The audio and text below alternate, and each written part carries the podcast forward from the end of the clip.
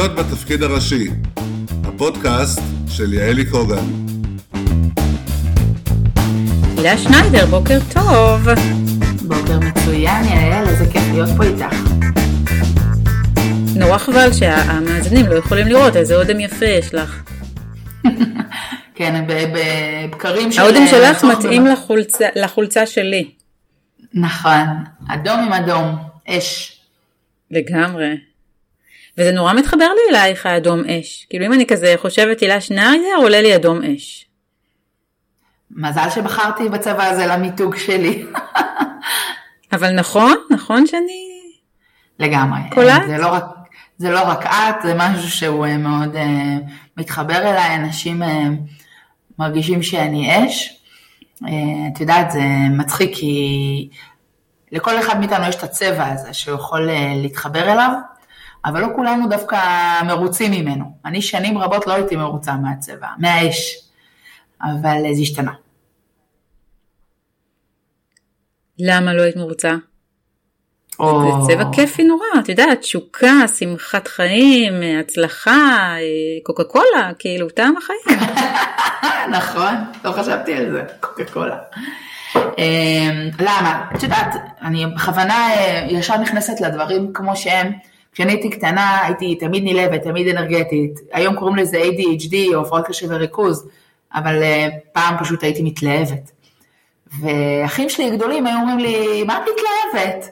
או כל הזמן ניסו להוריד לי את, את האנרגיה הזו, כי אנרגיה של אש, אנרגיה של אש יכולה להיות מחממת, אבל יכולה להיות גם שורפת ומפחידה, ולא תמיד יודעים להכיל את זה. ולכן היה לי ביחסי אהבה שנאה עם אותה אנרגיה האדומה. אה, לדעת איך להכיל אותה ואיך להתנהל איתה, זה היה אחד השיעורים שלי. אז אה, זו התשובה לשאלתך. אני אתקיל אותך ואני אגיד שאני חושבת מעבר לזה שאנרגיה, וואי זה מאוד מתחבר לי ככה לכל מה שקורה עכשיו במדינה, אבל אה, לא חושבת שאם יש ילד, בן, שהוא מתלהב, את יודעת, הוא, שיגידו לו לשתוק. אני חושבת שאנחנו לא, בתור לא נשים... לשתוק. אה, אה, מעולם לא אמרו לי לשתוק, גם יכלו להגיד כמה שרוצים, לא היו מצליחים. אבל את יודעת, טבעם של אחים גדולים, ופעם בכלל יש את המשפט הזה של מתלהבת. מכירה את הדבר הזה? בבית כן, ספר? בוודאי ב... שאני מכירה, גדלתי על זה. בדיוק. אז אה, בואי תספרי לי את, מה זה אומר המשפט היא מתלהבת? מתלה... אני הייתי, אני עד היום מתלהבת, אני, אני, את יודעת, זה שמי השני, אני, אני בדיוק כתבתי על זה פוסט, שאני מאוהבת, תמידית, אני כל דבר, מדליק אותי, מגניב אותי, הכל זה בוואו וואו וואו, איזה כיף.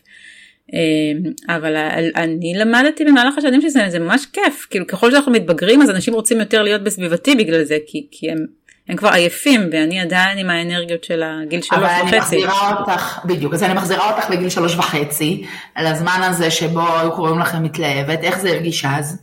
לא, אז האמת זה היה יותר ביסודי. ביסודי כאילו זה היה שמי השני. כאילו, אבל אני לקחתי את זה לכיוונים טובים, אני חושבת שהתיאטרון מאוד עזר לי, כי שם היה לזה, זה היה כלי מדהים. אה, זאת אומרת, זה המקום להיות בו סופר אש. מתלהבת, כן. כן. אה, ואני תמיד ראיתי את זה בתור משהו חיובי, אז בכלל לא הזיז לי מה אומרים. אני תמיד ראיתי את זה בתור איזה כיף לי שאני מתלהבת. אז אני חייתי בשיא הכנות, אני אומרת, בתוך אה, מערך של מה יגידו, בחוויה כן. האישית שלי, בסדר? אה, ולכן לקחתי באמת את ההתלהבות למקומות אקסטרוורטיים מתאימים. שרתי רוב חיי בהרכבים, אה, ממש מגיל צעיר, שהמנהל המוזיקלי של הבית ספר, כן, איזה יופי. שרתי, כן, הייתי, התחלתי בלהקה של יסודי, במה שנקרא מקהלת בית ספר, אחר כך הייתי במקהלה של התיכון, אחר כך נבחנתי ללהקה צבאית, מיטלמן ודני רובס, כולם היו שם. וואו. אה, כן, היו לי הרכבים אה, בפאבים, כל מיני דברים נחמדים. אה, אז אני באמת מאוד מתחברת לזה של לקחת את החוזקות ולחזק אותן. אבל כמו שאת אומרת, זה משהו שלומדים אותו באופן הדרגתי. בהתחלה אתה שונה, ואני הרגשתי שונה בנוף, עם האנרגיה האש האנרגטית הזו, שלא כל אחד יכול להכיל אותה, ובמקום הזה באתי והתבוננתי, בצורה הכי ילדית ומקורית ובוסרית שלי, והבנתי שלשנות את זה הרבה אני לא יכולה, אני כן יכולה לתעל את זה למקומות כן. חיוביים. זה מעניין ששתינו מצאנו את הבמה, אני מצאתי את התיאטרון, אני גם שרתי המון, ואת מצאת את השירה שזה גם הבמה, ושם את יודעת זה המקום להיות אה, אש. נכון. ואני חושבת שגם בעשייה שלך היום, בואי, בואי תספרי קצת מה את עושה, אני חושבת ש, שאי אפשר להיות מי שאת היום אה, בלי האש הזו. נכון. זה מה ש, שאני חושבת אם אני הייתי כרגע לקוחה הייתי מחפשת במקצוע שלך, אז בואי תשתפי ככה מה את עושה היום. אז אה, מה שאני עושה היום זה שלושה דברים. אני מאמנת אישית אה, להגשמה. אה, אנשים שנמצאים בצומת קריירה, שלא יודעים מה הם רוצים לעשות שהם יהיו גדולים, גם אם הם כבר גדולים. נמצאים בסיטואציה שהם לא יודעים איך עוברים רעיון עבודה, כי מלא זמן הם לא עברו, סתם כי זה מרגש אותם. שרוצים לדבר את עצמם טוב יותר, בין אם זה ברשתות כי הם עצמאים ובין אם זה בראיון כי הם שכירים. אנשים שנמצאים במקום שהם צריכים אה, סיוע פרקטי ורגשי בעולמות התוכן, אז אני מלווה. אני מאמנת אישית, אה, בהכשרתי, למדתי פסיכולוגיה, זה העולמות שאני מגיעה. אה, והדבר השני שאני רוצה זה בעצם אני מרצה, אני עומדת על במה, אני מעבירה תכנים של פיתוח הון אנושי. פיתוח הון אנושי זה בעצם כל מה שהופך את ההון האנושי, את הבני האדם לטובים יותר, מפותחים יותר. אם זה מיומנויות רכות, כמו ניהול זמן והשגת מטרות, אם זה פסיכולוגיה חיובית והגשמה, אם זה איך אני מראיין טוב יותר, אם זה שפת גוף וניהול רושם, יש לי המון המון תכנים שאני מעבירה לארגונים וחברות שמעוניינים. והדבר האחרון, כמו שאמרתי, אני עושה שלושה דברים, זה אני מאבחנת. אני באתי בעולמות הגיוס, ניהלתי גיוס והדרכה בחברות שונות במשק, אז אני באמת אה, עוזרת לחברות אה, וארגונים שאין להם משאבי אנוש וצריכים עזרה של מאבחנת, אה, לגייס ולהביא את הבן אדם המתאים יותר למקצוע. וזהו, השירה כבר לא חלק בכלל? שאלה מצוינת. האמת היא שהעמידה על במה, אמרנו שזה היה המטרה, זוכרת? גם שלך וגם שלי, אנרגיית האש היא מתקיימת אצלי בזה שאני באמת עומדת על במות ונמצאת ברדיו ובטלוויזיה וב, ובכתבות ובכל מיני מקומות שבהם אני יכולה להשמיע את עצמי, מבחינתי זה מספק. השירה נמצאת המון בבית, אין יום שעובר פה בלי מוזיקה וריקודים שלי ושל הילדים שלי פה על הרחבת הסלון. אה, והיא נמצאת אה, עם חבר'ה ועם בעלי היקר שמנגן על גיטרה, אז אה, יש השלמה יותר טובה מזו. כמה ילדים יש לך הילה? יש לנו שני בנים, בארי בן שש ומעיין עוד מעט בן חמש. וואו, ממש צעירים. כן, פספוסים. כמה הם עברו, כמה הם הספיקו. אבל זה ממש כיף, את יודעת, אני בפודקאסט יותר ויותר מגלה מכל ראיון עם כל אדם, ואני מאוד מאוד מאמינה בזה שאנשים שבאמת שלמים ומאושרים עם העשייה שלהם, זה אנשים שלקחו את ה... א', את החלומות שלהם, אבל זה עוד יותר מורכב, זה לא רק החלומות. זה גם הדברים ה- ה- שכביכול החברה תופסת כדברים שליליים, למשהו חיובי במקצוע. כמו שאת אומרת, אמרו לך אה, אה, היפראקטיבית, אני גם היפראקטיבית. לקחת את זה בעצם למשהו חיובי וניצלת על כל הכביכול, אני בכוונה עושה כאן, לא רואים את הגרשיים, כי אני לא חושבת, אני, אני מאמינה שהפרעת קשב שלי זה הדבר הכי טוב שקרה לי בחיים, לא הייתי מוותרת עליה. תמורת מיליון דולרים במזומן, כי לא הייתי מצליחה לעשות עשירית ממה שאני עושה אם לא הייתה לי הפרעת קשב. אני קוראת לזה... ומה שמאוד יפה אצלך, אני קוראת לזה, שנייה לפני, מאוד יפה, אני אומרת שאני קוראת לזה לא הפרעות קשב וריכוז, אלא יכולות קשב וריכוז. יכולות, אני קוראת לזה הפרעת קצב וריקוד. זה גנבתי מדורי בן זאב, הפרעת קצב וריקוד. אבל מה שממש יפה אצלך זה שזה מרגיש שמהר מאוד את הבנת שזה בכלל לא חיסרון.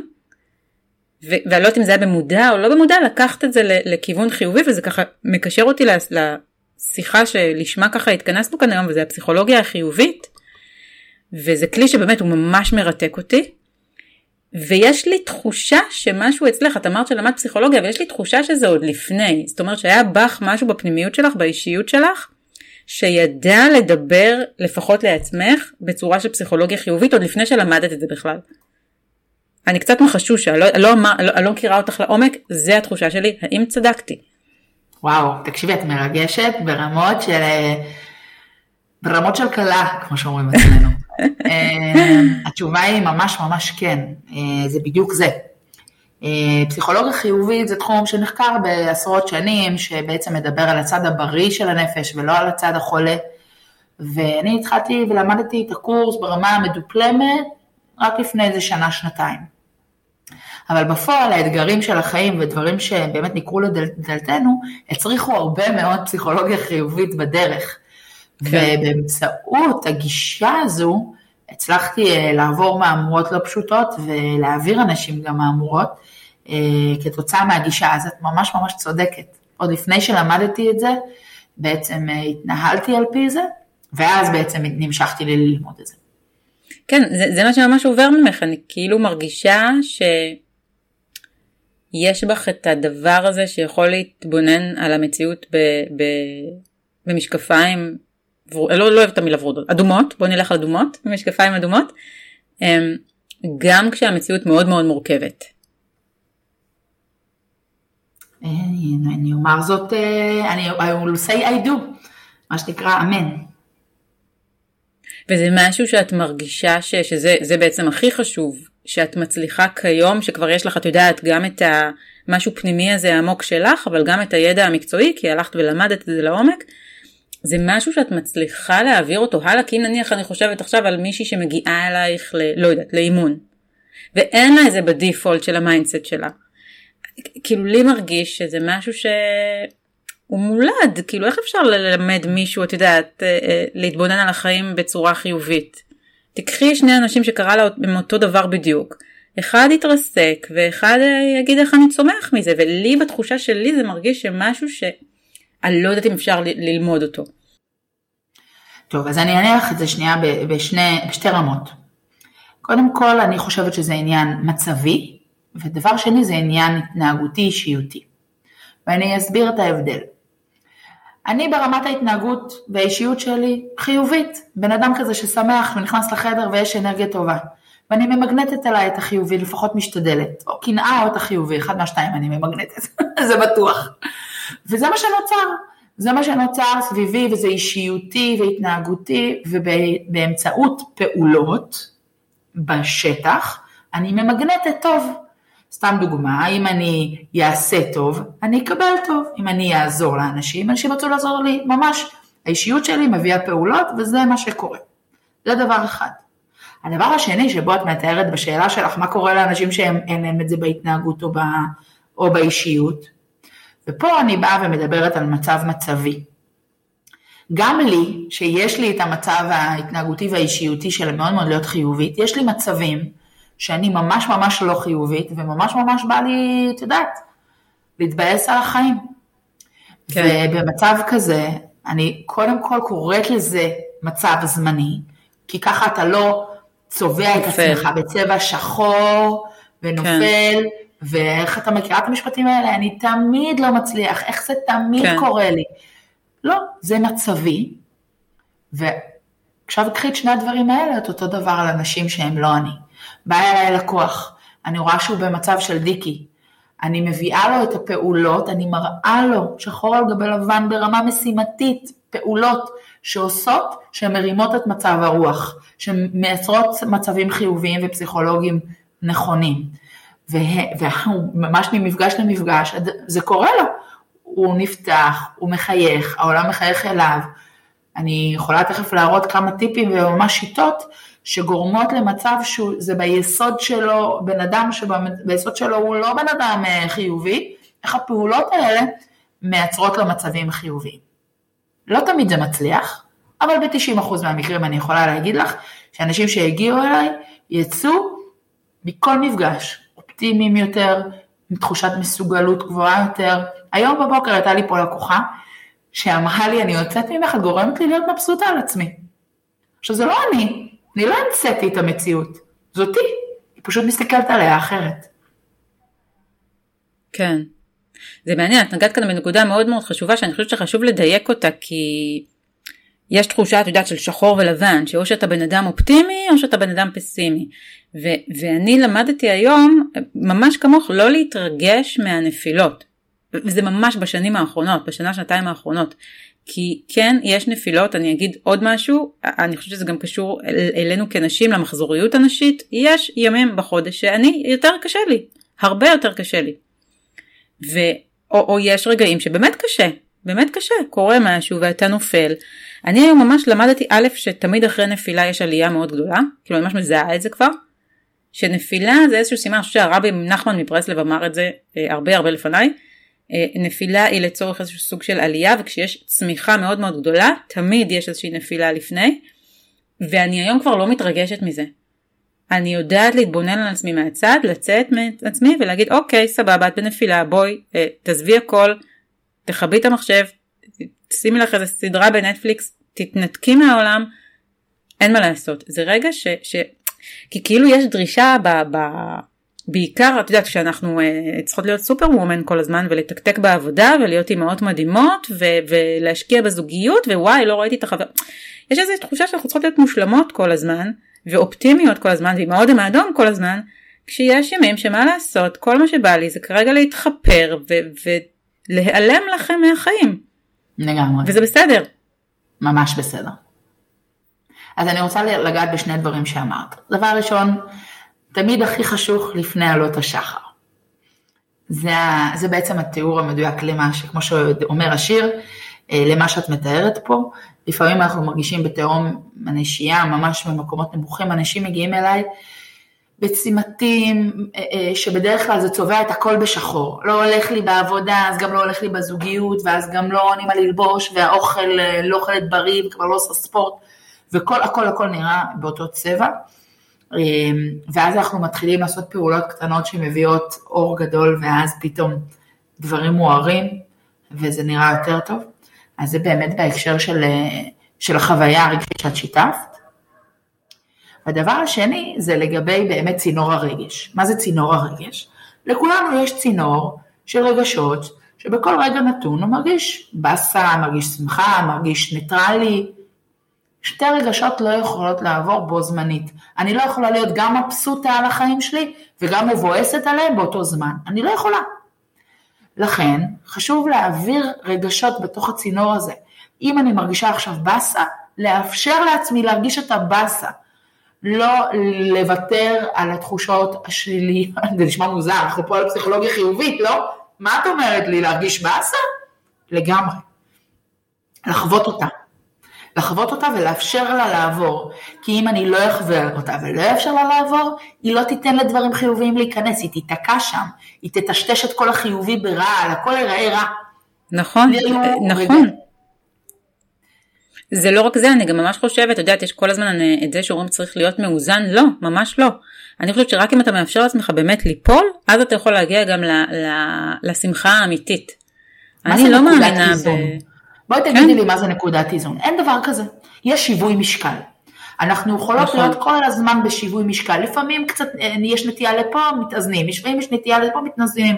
אין באמת נקודת איזון לאורך זמן כמו שאין אושר אה, אה, לאורך זמן שהוא סטדיבילי, וכמו שקו חלק ישר זה רק מוות. אנחנו תמיד באיזה שהן פעימות של גדילה וצמיחה. אני יכולה להגיד לך על עצמי, ברמה הפרקטית, בסדר? דיבורים דיבורים, מעשים רגע. ברמה הפרקטית, כשלי יש רגעים של באסה ושל down, אני אומרת לעצמי, הילה, את עכשיו יושבת, מאשפזת את עצמך בספה, את קראת לזה מול נטפליקס, אני יכולה לשים לעצמי מוזיקה, עם איזה, ככה, איזה דיקלה, איזה אלי לוזון ברחובות קיבלו מזמן את הניאון, ככה משהו ממש דיכאוני, בוכה, בוכה, טישו אני והמוזיקה על הפנים, על הפרצוף, העולם חרב, אני אומרת לעצמי שיש לי בשביל זה שעה, שעתיים, תלוי מה גודל האסון, ואז אני חוזרת, ואני חוזרת. אבל אני אפשרתי לעצמי את הרגע באסה הזה. אם אני לא כן. אחווה אותו עכשיו, הוא יהפוך להיות פאסיב אגרסיב לאורך כל היום לכל האנשים שפגשתי. מכירה את זה? מה שלומך? הכל בסדר. יש לך את זה ביותר, בלא אמין, באמין מה שנקרא. כאילו אנשים אה, הולכים מבואסים, רואים את זה, מרגישים את זה. אני לא, אני אומרת אוקיי, יש לי באסה, והיו לי. כשאני אה, הייתי צריכה להתמודד עם רגעים מאוד מאוד לא פשוטים, שהבן שלי עבר בדיקות מפה עד ירושלים, במחלקות אונקולוגיות כל יום, ו- ולא דברים נעימים, היה עצוב, היה לי מבאס, וזה היה לגיטימי וישבתי עם עצמי ובכיתי. וכשסיימתי קמתי בבוקר ואמרתי תודה רבה על מה שיש. המשכתי. אבל בלי להתפרק, אני הייתי מתפרקת אני. אבל את יודעת, את, את מעלה כאן משהו שהוא באמת קשה. כאילו, את יודעת, זה לא שאוקיי, משהו לא הלך בעסק, אני, אני יכולה להבין, את מעלה פה משהו קשה. כאילו, אין משהו שיותר מפחיד אימא מדאגה לילד שלה. אה, ואני מכירה קצת את הסיפור, אם תרצי את תשתפי, אם לא זה, זה גם בסדר, אבל את באמת, אם רגע לא נרד לפרטים, את התמודדת עם משהו שבאמת, אני חושבת זה הדבר שהכי מפחיד כל אישה באשר היא. נכון. אני אגיד אה, משהו מאוד פשוט. אה, קודם כל אספר שהסיפור שלי הוא כזה שבעצם בגיל שנה אה, וקצת הבן שלי אובחן עם ממצא חריג במוח, בהתחלה חשבו שזה סרטן וזה השתנה וזה לא גדל, והיום הוא בן שש והכל בסדר, זה יציב, זה לא גדל, ובא לציון גואל. אז קודם כל זה שנייה הסיפור. אבל זה שש שנים, שש שנים של גיהנום, שבהתחלה שלהם היינו צריכים לעבור MRI מוח בהרדמה מלאה כל שלושה חודשים לראות שזה לא גדל, והיינו צריכים לקבל החלטות שקשה לקבל לבד, אז בזוג על אחת כמה וכמה. ואז את באה ושואלת אותי איך שמרת על אופטימיות, ואני אומרת לך בשיא הכנות, לא תמיד שמרתי על אופטימיות. היו לי רגעים אופטימיים, והיו לי רגעים מתים מפחד, והיו לי רגעים אה, חיוביים, והיו לי רגעים מפחדים. חשתי את כל מנעד הרגשות. אבל מה עשיתי כדי לשמור על עצמי בשפיות ובחיוביות ובלשדר לילד ולעשות דברים, להצליח לשמור על עצמי, מה שנקרא, מעל פני מים במשך תקופה כל כך ארוכה. היו לי ממש טכניקות, טכניקות מדויקות, ריטואליות, שעבדו. דבר ראשון, עכשיו אני, אתם תצחק, עכשיו זה יצחיק אותך, אני אגיד את המילה סמים. עכשיו למה אני אומרת סמים? כי כל הכימיה שיש לנו במוח, כל האנדורפינים והסרוטונין והדופמין וכל הנוירוטרנסמיטורים וההורמונים שיש לנו במוח שמפעילים את השמחה שלנו הם סוג של סם. הדרך הכי טובה להפעיל את כל המנגנונים הטבעיים האלה שיש במוח כדי להרים את האנרגיה ולהיות חיובית זה ספורט. ספורט, תזונה ושינה. כשאנחנו עובדים על שלושת הדברים האלה בצורה טובה, יש יותר סיכוי שהסמים האלה בתוך המוח שלנו יפעלו לטובתנו. אז הייתי עושה הליכות, והייתי אוכלת בריא, ועשיתי, וניסיתי לישון, כן. הדברים האלה אפשרו לתוך ההורמונים בתוך המוח שלי, לעזור לי להיות שמחה, ממש ככה, הכי פשוט בעולם. זה הדבר הראשון. הדבר השני זה התנהגות. התחלתי לעשות דברים שברמת השליטה הפנימית והאישית שלי, שעוד פעם חוזרים למוח, ויאפשרו למוח שלי לחשוב בצורה חיובית. הנוירוטרסמיטרים שלנו, מספר, נקרא לזה מספר התאים המוחיים שבמוח שלנו ש, שהם אה, אה, לכיוונים אה, חיוביים לעומת לכיוונים מפחדים, הם שליש לעומת שני שליש. יש לנו יותר דברים שהם נאמנות מפחד והתמודדות עם בהלה ומצבים לא, לא חיוביים מאשר דברים חיוביים. אז איך אני אגדיל את המחשבות החיוביות? איך אני אהיה אופטימית? לגבי מה שקורה לי עם הבן שלי, אני אגדיל את התקשורת המוחית שקשורה לדברים חיוביים. אני צריכה לייצר שם יותר במוח, אני מדברת איתכם ברמה הרפואית, בסדר? בתוך המוח אני צריכה לייצר תקשורת חיובית.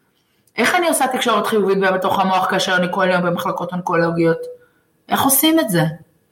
אחת השיטות שאני השתמשתי ברמת ההתנהגותית, ואני אומרת השתמשתי, אבל בתכלס זה עד היום, כבר למעלה משש שנים שאני כל ערב עושה את התרגיל הזה, זה תרגיל הוקרות. אני אומרת חמישה דברים טובים שקרו לי היום, או שעשיתי היום, או שקידמו אותי היום, וזה מייצר למוח שלי חשיבה חיובית וזיכרון חיובי, ומתחיל להפעיל אותו ברמה אופטימית. עכשיו, איך אני ביום שהייתי במחלקה אונקולוגית וראיתי ילדים מקיאים, מתחילה לחשוב על דברים חיוביים? תתפלאי. ככל שמתרגלים את זה, זה פשוט בא. כי המוח מתחיל להאזין, זה המקום שזה מקבל במוח. זה אומר שאני אומרת תודה על זה שלא היו פקקים ושבארי היה רגוע בדרך ל, ל, ל, לרופא. ואני אומרת תודה על זה שאני גרה במדינת ישראל שמערכת הבריאות שלה היא טובה ומאפשרת לי את הרופאים הטובים ביותר. ואני אומרת תודה שבעלי שלצידי מנהל איתי תקשורת פתוחה ו- ובריאה ושאנחנו שם אחד לצד השני. ואני אומרת תודה, אני אומרת תודה על הדברים, אני פתאום רואה את הדברים שהם לא מובנים מאליהם, ואני בצורה הזו שומרת על אופטימיות. אז אמרתי, הכל זה הסמים שיש לנו במוח, הכל זה ההורמונים, הנוירוטרנסמיטורים שיש לנו במוח. אנחנו יכולים לעשות את זה בצורה של הליכה, ספורט, כאילו, אה, שינה ותזונה. יכולים לעשות את זה בצורה של שיטות וטכניקות של הגברת הפעילות המוחית החיובית. ולא פחות חשוב, אנחנו צריכים להוקיר את הרגע הזה. ובזה אני אסיים את ההסבר. הוקרה של הרגע הזה, את זוכרת שאמרתי לך שלא לא תמיד הייתי אופטימית כשהכל קרה? אני רוצה לקחת אותך לרגע אמיתי אחד שקרה לי. ישבתי על, הספ... על הרצפה כן. עם הבן שלי, שיחקנו. אה, והתחלתי לבכות, בכיתי, בכיתי, מה יהיה, מה יהיה, לא יודעת מה יהיה עם בארי, כי ממש הייתי עצובה. והיה לי איזו הערה כזו של רגע. אמרתי לעצמי, תגידי לי, הילה, את רצינית? מה את בוכה? אולי עכשיו זה הרגע הכי שמח בחיים שלך. אולי אין לך מושג, דווקא זה הכי לא אופטימי. אולי עוד שלושה חודשים הולך להיות ממש ממש גרוע. אם את לא תכירי את הרגע הזה, את תפספסי אותו, את מפספסת עכשיו זמן משחק עם כן. הילד שלך, בזה שאת יושבת ובוכה, חבל עלייך, מה שנקרא. תשבי, תשחקי איתו עכשיו, כי בארי בטוח ימות. הלוואי וזה יהיה בגיל 120, כן. אבל את לא יודעת מה יהיה. תהני ממה שיש לך עכשיו. והמקום הזה של להיות נעוץ ברקע, ברגע, בפעולות שיש לך, שאתה כן יכול לעשות, בדברים המשמחים שכן יש לך, זה הדבר הכי אופטימי שיש. כי אנחנו לא יודעים מה יהיה. אנחנו לא יודעים מה יהיה עם הילדים שלנו, אנחנו לא יודעים מה יהיה עם המדינה שלנו, אנחנו גם לא יודעים מה יהיה עם הדיאטה שלנו. אנחנו יודעים שאנחנו יכולים לאכול בריא עכשיו, להיות שמח עכשיו ולהיות בנתינה עכשיו. אז זה מה שאנחנו יודעים. נשמע קצת אה, כאילו... את, את בזה הרגע סיכמת את, אה, אה, תקשיבי, כל מרואיין שני שמגיע לכאן מדבר איתי על הספר של אדקר טולה, כוחו של הרגע הזה, שזה ספר ש... אני אומרת, מה נסגר? למה אני מזמנת אנשים שמדברים על זה? אני לא מבינה את הספר הזה. עכשיו, אני תמיד צוחקת שקניתי את הספר הסבר על הספר, וגם את הספר הסבר אני לא מבינה. אני אסייג ואומר שאתמול בים קראתי והבנתי חלק, זה גם ספר שאי אפשר להבין אותו בראש, הוא בעצמו מסביר, צריך להבין את זה בחוויה, ולא ב mind, כי ה mind הוא בעייתי. ובזה הרגע את הסברת לי את זה, אז כבר היה שווה ממש להביא אותך לכאן. אני רוצה לספר לך סוד אמיתי. אה, גם לי יש את הספר אה, של כוחו של הרגע הזה כבר שנים. היו כמה פעמים שניסיתי לקרוא אותו ולא הבנתי אותו. לא הבנתי אותו. כן. זה קטע, אתה אומר טוב, כולם מדברים על הספר הזה ורק אני לא מבין אותו, מה העניינים? אז אולי זה עניין של חוויה, ואולי יש דרכים שונות ללמוד את אותו דבר שקוראים לו הרגע הזה. אבל דווקא אתמול, את יודעת, כשישבתי בים וקראתי והוא דיבר, זה מאוד הזכיר לי את לימודי ימימה, ימימה אביטל שלמדתי שנים, שהיא כל הזמן אמרה, זה לא לימוד של, של הראש, זה לימוד של הלב. וללב ללב יש הבנה שהיא אחרת, ואני חושבת שמה שתיארת הוא ממש ממש יפה, כי, כי זה רגע של הערה, מה שחווית. כן. זה ממש רגע של הערה. ואת אה, יודעת, זה לא משהו שהוא בדיעבד. זה לא שאני באה אלייך עכשיו כן. ואומרת לך בדיעבד, כאילו, את, יש לך מצב כזה, את צריכה להתנהג א', ב', ג', לא. בתוך השיט, בתוך הרגע הכי הכי הכי נמוך, בייס, וחסר ודאות שקיים בערך בעולם מבחינתי, אני אמרתי, הילה, יש לך את הרגע הזה, את מתבלבלת. את נמצאת בכל מיני חרדות שהן לא רלוונטיות. יש לי שאלה שהיא קצת אה, אישית, אז אם, אם, אם לא תרצי, אל תעני עליה. האם את מרגישה שהחוויות שעברת בשנים האחרונות, עם בארי, שמו? כן. עם בארי, זו שאלה נוראית, אבל אני אשאל אותה בכל מקרה. הפכו אותך לאשת מקצוע טובה יותר? את רגישה יותר ללקוחות שלך? את אה, אה, מכילה יותר? את מבינה יותר? זאת שאלה ממש טובה, את לוקחת אותי למקום הזה של בכלל למה לדבר על ברי. כלומר, זה ילד, בן אדם בפני עצמו, לשים אותו בפרונט, לדבר עליו, זה... יש כאלה שמעירים לי על זה, יש כאלה שחושבים דעותינו חלוקות בנושא, של אה, זה הסיפור שלו, מה את מספרת את זה בכלל? אמ, אז אני רוצה לענות לך על זה שנייה, בצורה הכי כנה.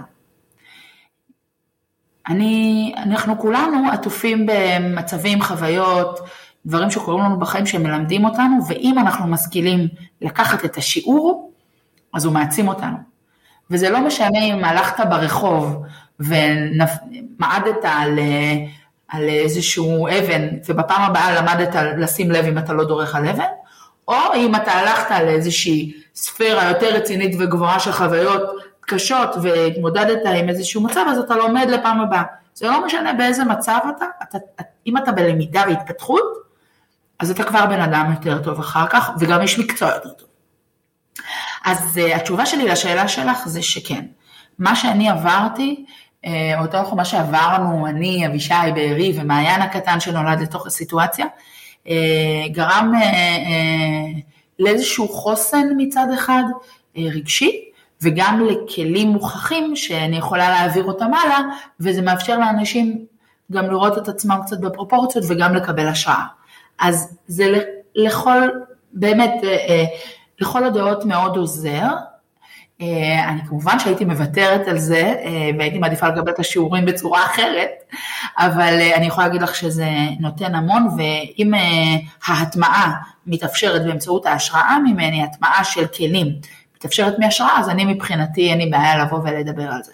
כמובן שהדבר הזה הוא בשיח פתוח עם האיש שלי, עם בעלי, ויש דברים שאנחנו שמים על השולחן, אם מתאים לנו להגיד או לא, זה בצורה מאוד מאוד מודעת. ויש כאלה דרך אגב שלדבר על זה עושה להם רע, אימא שלי למשל לא מבינה את השיח שלי על זה, כי זה עושה לה רע, זה עושה לה זיכרונות ממש לא טובים, ואני יכולה להבין אותה, אצלי זה ריפוי, אצלי ההתמודדות עם זה באמצעות שיח אה, והעמקה, אצלי היא ריפוי. אז אני יכולה להבין שזה אחרת. מה מבחינתך זה תהליך מוצלח? זאת אומרת, את מסיימת אימון ואת יודעת תהליך ואת אומרת, וואו, איזה כיף, כאילו טופחת על עצמך שרף ואת אומרת, הצליח לנו. ואני בכוונה אומרת מה לנו, כי אני, אני באמת חושבת שמאמן מאומן זה תמיד משהו שהוא ביחד. הצלחה מבחינתי בתהליך אימוני זה כשה... זה בשני מצבים. מצב אחד זה כשהלקוח השיג את המטרה שלו, ואת המטרה שלו אנחנו מגדירים במפגשים הראשונים ממש, בצורה מסודרת, אם זה למצוא עבודה, אם זה להעלות את השכר, אם זה, אה, אם אני עסק פרטי אז אני רוצה להגיע לתוצאות מסוימות, אם זה להעלות את ה-well-being, אם זה להרגיש פיקוס, אם זה ללמוד מה אני בכלל רוצה לעשות שאני אהיה גדול. בסדר? כל אחד מה, מה, מה, אחד מהאנשים, מהמטרות שלו. אז קודם כל אם הגענו לזה, הגענו לזה, ברור לנו שהגענו ליעד, נכון? אבל יש אופציה נוספת. אופציה נוספת זה שמאיזושהי סיבה סיימנו את התהליך לפני שהגענו ליעד, אבל האדם שמולי אומר לי שהוא מרגיש מחוזק, שהוא אה, אה, עושה דברים שהוא לא מאמין שהוא עשה לפני, שיש לו את הכלים כדי להתמודד עם הדרך, שהוא מרגיש שיש לו למי לפנות במקרה הצורך, שהוא מרגיש גבוה יותר ב-10 סנטימטר. זה מבחינתי הצלחה. אה, דיברת על זה קצת, אבל אני כן רוצה ככה שהמאזינים יצאו עם אה, איזה שהם כלים. בואו נדבר ככה על אה, שני כלים שהם אפשר כבר עכשיו אחרי ההאזנה לנסות ליישם ביום יום, שמתקשרים לעולם הפסיכולוגיה החיובית, שקשורים למשל לצומת דרכים בחיים. או לתהליכי שינוי או למעברים. אז אני אתן שני כלים שאפשר לעשות אותם ממש ברגע שמסיימים את הפודקאסט. הדבר הראשון אה, זה לפנות לחמישה אנשים קרובים אליי ולשאול אותם מהם העוצמות שלי לדעתם. כותבים להם הודעה, היי אני חלק מתהליך או אני החלטתי להרים את עצמי לחלט משהו, תכתוב לי שנייה מה העוצמות שלי. אנשים עוצרים רגע וכותבים לך דברים, זה מאוד מרים, זה נותן תחושה של ערך, אפשר לראות גם שיש דברים שחוזרים על עצמם, שבדיוק כמה אנשים אומרים שאני משמח, או כמה אנשים אומרים שאני חכם, וכשזה מספר אנשים אומרים ככה, מה שנקרא, אומרים לך שאתה הולך לקום תבדוק כמה, מה שתית, רק הפוך. אומרים לך כמה אנשים, כמה אתה חכם, תתחיל להאמין שאתה, שאתה סבבה והכל טוב. אז אני, אז אני אומרת, תפנה לאנשים שקרובים אליך, תבקש פידבק חיובי, שים לך את זה באיזה נוט בטלפון, את כל הדברים האלה, ותקרא שאתה בבאסה, זה עובד. בסדר, אז פידבק חיובי, כולנו רוצים מה? שיראו אותנו, שיעריכו אותנו, הערכה. הדבר הזה עובד. אז זה דבר טיפ ראשון, אה, מקווה שככה אה, אה, תעשו אותו, כי הוא לפעמים קצת מביך, ולפעמים בתור מי שעשתה אותו כמה וכמה פעמים בחיים, לפעמים אתה לא יודע במי, למי לפנות. לפנות למי שמרגישים בנוח, לפנות למי שבאמת מכיר אותך, שתאמין למה שיש לו להגיד, וזה עוזר. אז זה דבר ראשון, והדבר השני, אמרתי אותו גם מקודם, זה קריטי לכל בית, זה ממש must, כל יום להגיד חמישה דברים טובים שקרו היום. עכשיו זה לא חייב להיות תוצאות, זה לא אה, משהו, העלו לי את השכר כן. כבר וקודמתי בעבודה, לא. אבל אם אני עשיתי היום פעולות שמקדמות אותי, היום אני קמתי בעמיתה, אני עשיתי שיחת טלפון לחברת השמה, אני אה, אה, בדקתי בנצ'מארק לכמה כסף מקבלים בתחום שלי, ואני כתבתי קורות חיים. עשיתי פעולות שקידמו אותי, כל הכבוד לי, אני משבחח את עצמי. ביני לביני, חמישה דברים טובים כל יום זה פגז. אבל מעבר לשניים האלה, אם אנחנו לא מצליחים להרים את עצמנו לעשות את הדברים האלה, קריטי ללכת לתהליך, אפילו אם הוא לא ארוך. אני לא, אין לי מטרה שאנשים יבואו אליי לגבי, לשנים על גבי שנים, אמרתי כבר שאת הצד של הפסיכולוגיה הזה אני מוותרת עליו. אני רוצה שאנשים יבואו וירגישו גבוהים בחמש סנטימטר ושהם מצליחים להשיג את היעדים. הילה, אנחנו עוברים לשלב שאני הכי אוהבת בפודקאסט, שזה חמש בעשר, חמש שאלות בעד עשר דקות, מוכנה? ואני ממש מתקילה אותך עם כל מיני דברים שלא קשורים לכלום. אז הילה, נורא מעניין אותי, אני לא יודעת למה, אין לי מושג, אבל אני תמיד שואלת מה שעולה לי באינטואיציה, בפרקים הראשונים הייתי כותבת מראש, ואז ראיתי שאני בכלל לא שואלת מה שכתבתי מראש, אז אני פשוט יורה. ספרי על האהבה הראשונה שלך. וואו. שאלה טובה, את יודעת, אני בדיוק חשבתי על זה לא מזמן, שאני לא זוכרת איזושהי אהבה ראשונה. כאילו, זוכרת שהדלקתי על מישהו בגיל 12, וכתבתי לו מכתב. אה, הוא היה גדול ממני בבית ספר יסודי, נראה לי שהוא היה בכיתה, לא יודעת, ח' ואני הייתי ו', כזה, לא יודעת, אני אפילו לא זוכרת, הוא היה שנה, אין לי מושג, לא זוכרת איך קוראים לו, אבל אני זוכרת שהייתי בקראש מטורף עליו, וכתבתי לו מכתב, והוא קרא אותו, והוא היה נורא נבוך וכולם צחקו בבית ספר והיה סביב זה המולה גדולה. אה, זה לא אה, נגמר באיזה סיפור אהבה מוחץ לב, אבל אני שמתי את מה שאני מרגישה על השולחן וזה בעיניי הכי חשוב. וואי תקשיבי אני אשלח לך את פרק שלוש עם אלה שאני מספרת שם על המכתב האהבה ששלחתי לאלף. לא סתם אני ואת התחברנו, לא סתם בכלל. את תמותי מצחוק ואת תתחברי שם בדיוק למה שאני אומרת, שאני חושבת שזה, אני כל כך כל כך גאה בזה, למרות ש, שצחקו עליי ולמרות שלא יצא מזה כלום. אין דבר שאני יותר גאה בעולם מזה ששלחתי לאלף מכתב אהבה עם ציטוטים של שיני קונור. Nothing compares to you. אה, זה נורא מצחיק. אה, שאלה שנייה, אה, מה הדברים הקטנים שעושים לך כיף? שכחתי איך אומרים את זה. הדברים הקטנים שכזה וואי ישר עושים לך חיוך. הדברים שאני הכי אוהבת זה שהילדים שלי משבשים מילים. ושזה תמיד איכשהו בקונוטציה חיובית, אין לי מושג מאיפה הם הביאו את זה.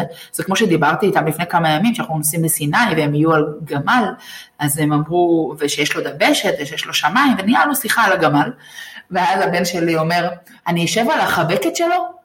אז אמרתי לו, על הדבשת, על החבקת. והוא ישר וזה הדבר הכי מצחיק בעולם, השיבושי לשון הקטנים של הילדים שלי זה הדבר הכי מצחיק בעולם. איזה כיף. אמ, איך זה להיות אה, אישה עצמאית עבורך? איך את מגדירה את זה? זה משהו שהיית ממליצה? וואו. לנשים אחרות? משהו שאת אה, אה, היית רוצה... מאוד. אני לא מאמינה ב... באקסיומות. אני חושבת שלכל אחד יש את המבנה האישיות שלו ומה שמתאים לו. לי באופן אישי זה הציל את החיים. אני חושבת שאני לא מבינה איך לא עשיתי את זה לפני, לי באופן אישי הכי מתאים להיות עצמאית. אני תמיד עבדתי כמו עצמאית, אני בן אדם מאוד חרוץ ומאוד מגיע ומאוד יוזם ומאוד עושה ולומד, אבל אה, אני יכולה להגיד שיש פעמים שאנשים מעדיפים את המסגרת ומעדיפים שיגידו להם מה לעשות ושהכל יהיה ברור ושמאוד מוכתבים ממה יגידו. גם לי היו תקופות כאלה אה, ולכן הם עדיפים להיות בתוך המשבצת. אז לי להיות עצמאית כרגע זה מעולה. אה, אני חושבת שכמו שאמרנו קודם, יש אישיותי ויש מצבי. אז לי כרגע זה מתאים. אני פוגשת אותך בתור ילדה, ילדה ככה מתלהבת, וה... לא יודעת, רגע אחרי שמישהו אמר לה, אה, די, מתלהבת, מה היית אומרת לעצמך? אני אגיד לה בדיוק את מה שאמר לי, היה לי הבוס אה, מיתולוגי גיורא לוי מאוד לפני שנים, עד היום אנחנו חברים, אה, והיינו פעם אחת בארצות הברית באיזה טיסה בפיטסבורג וירד שלג מטורף וזו הייתה פעם ראשונה בחיים שראיתי שלג יורד והתלהבתי וניסיתי למתן את עצמי, הוא סמנכ"ל בכיר, אני איזה צעירונת, מתלהבת משלג בדרך לאיזה פגישת עבודה, ואז הוא אמר לי, הילה, תמיד תמיד תשמרי על ההתלהבות. וכשהוא אמר את זה, הרשיתי לעצמי לצאת החוצה מהמונית ופשוט להעיף שלג באוויר. וואי, איזה סיפור מרגש. זה מה שהייתי אומרת, תשמרי על ההתלהבות. לגמרי, לגמרי, לגמרי, לגמרי. ושאלה חמישית ואחרונה, מה החלום הבא שלך, אם את רוצה לשתף? וואו, החלום הבא שלי זה להיות, אה, לשמור על אורח חיים בריא יותר, אה, לעשות ספורט ארבע פעמים בשבוע, להיות אה, במקום מיטיב איתי ברמה הבריאותית, פיזית אני מתכוונת, כי ברמה המנטלית אני לגמרי על זה, וצריך לאזן שינה, תזונה, כל מה שמאתגר אימא צעירה בימינו, וזה אפשרי, ואני אגיע לשם. הילה, איזה כיף היה איתך, את כזה גוש של אה, חיוביות, אופטימיות, ואת הפסיכולוגיה החיובית, את פשוט אה, modeling. ופתרת לי פה איזה סוגיה עם uh, מר אקהרט טולה, שאני אפילו את השם שלו לא יודעת להגיד. הצלחת ככה ל... אני תכף אבדוק, אני אקרא אותו שוב לראות אם אני מבינה אותו עכשיו ב state of mind הזה. לא, זה ספר שאני אקרא אותו עד שאני אבין אותו. לא, לא יעזור כלום, כי כל בן אדם שני שמגיע לפה מדבר עליו, אז אנחנו, אנחנו עוד נעשה פרק על הספר הזה. אולי. אז באמת תודה, ואני מאחלת לך להמשיך בול כמו שאת, כאילו את כל כך כל כך נעימה ו- ומלאה באופטימיות, וזה נורא מעצבן שאי אפשר, אתם בעצם תסתכלו בתמונה של הפרק, תראו את החיוך הענק של הילה. ומה שהיא משדרת, שזה לא עובר בסאונד, אבל זה בהחלט עובר כאן ב... ב visual. ובאמת, אה, ואנחנו נשים למטה גם את האתר של הילה, אה, וגם את האינסטגרם שלך, אם תוכלו, תרצו לעקוב ולראות. ואני מאחלת לך ים של הצלחה ואופטימיות והתלהבות. בואי נמשיך שתינו להיות שיא המתלהבות, זה הכי הכי חשוב. ממש חיבוק. תודה רבה רבה. אירחת אותי, תודה לכל המאזינים.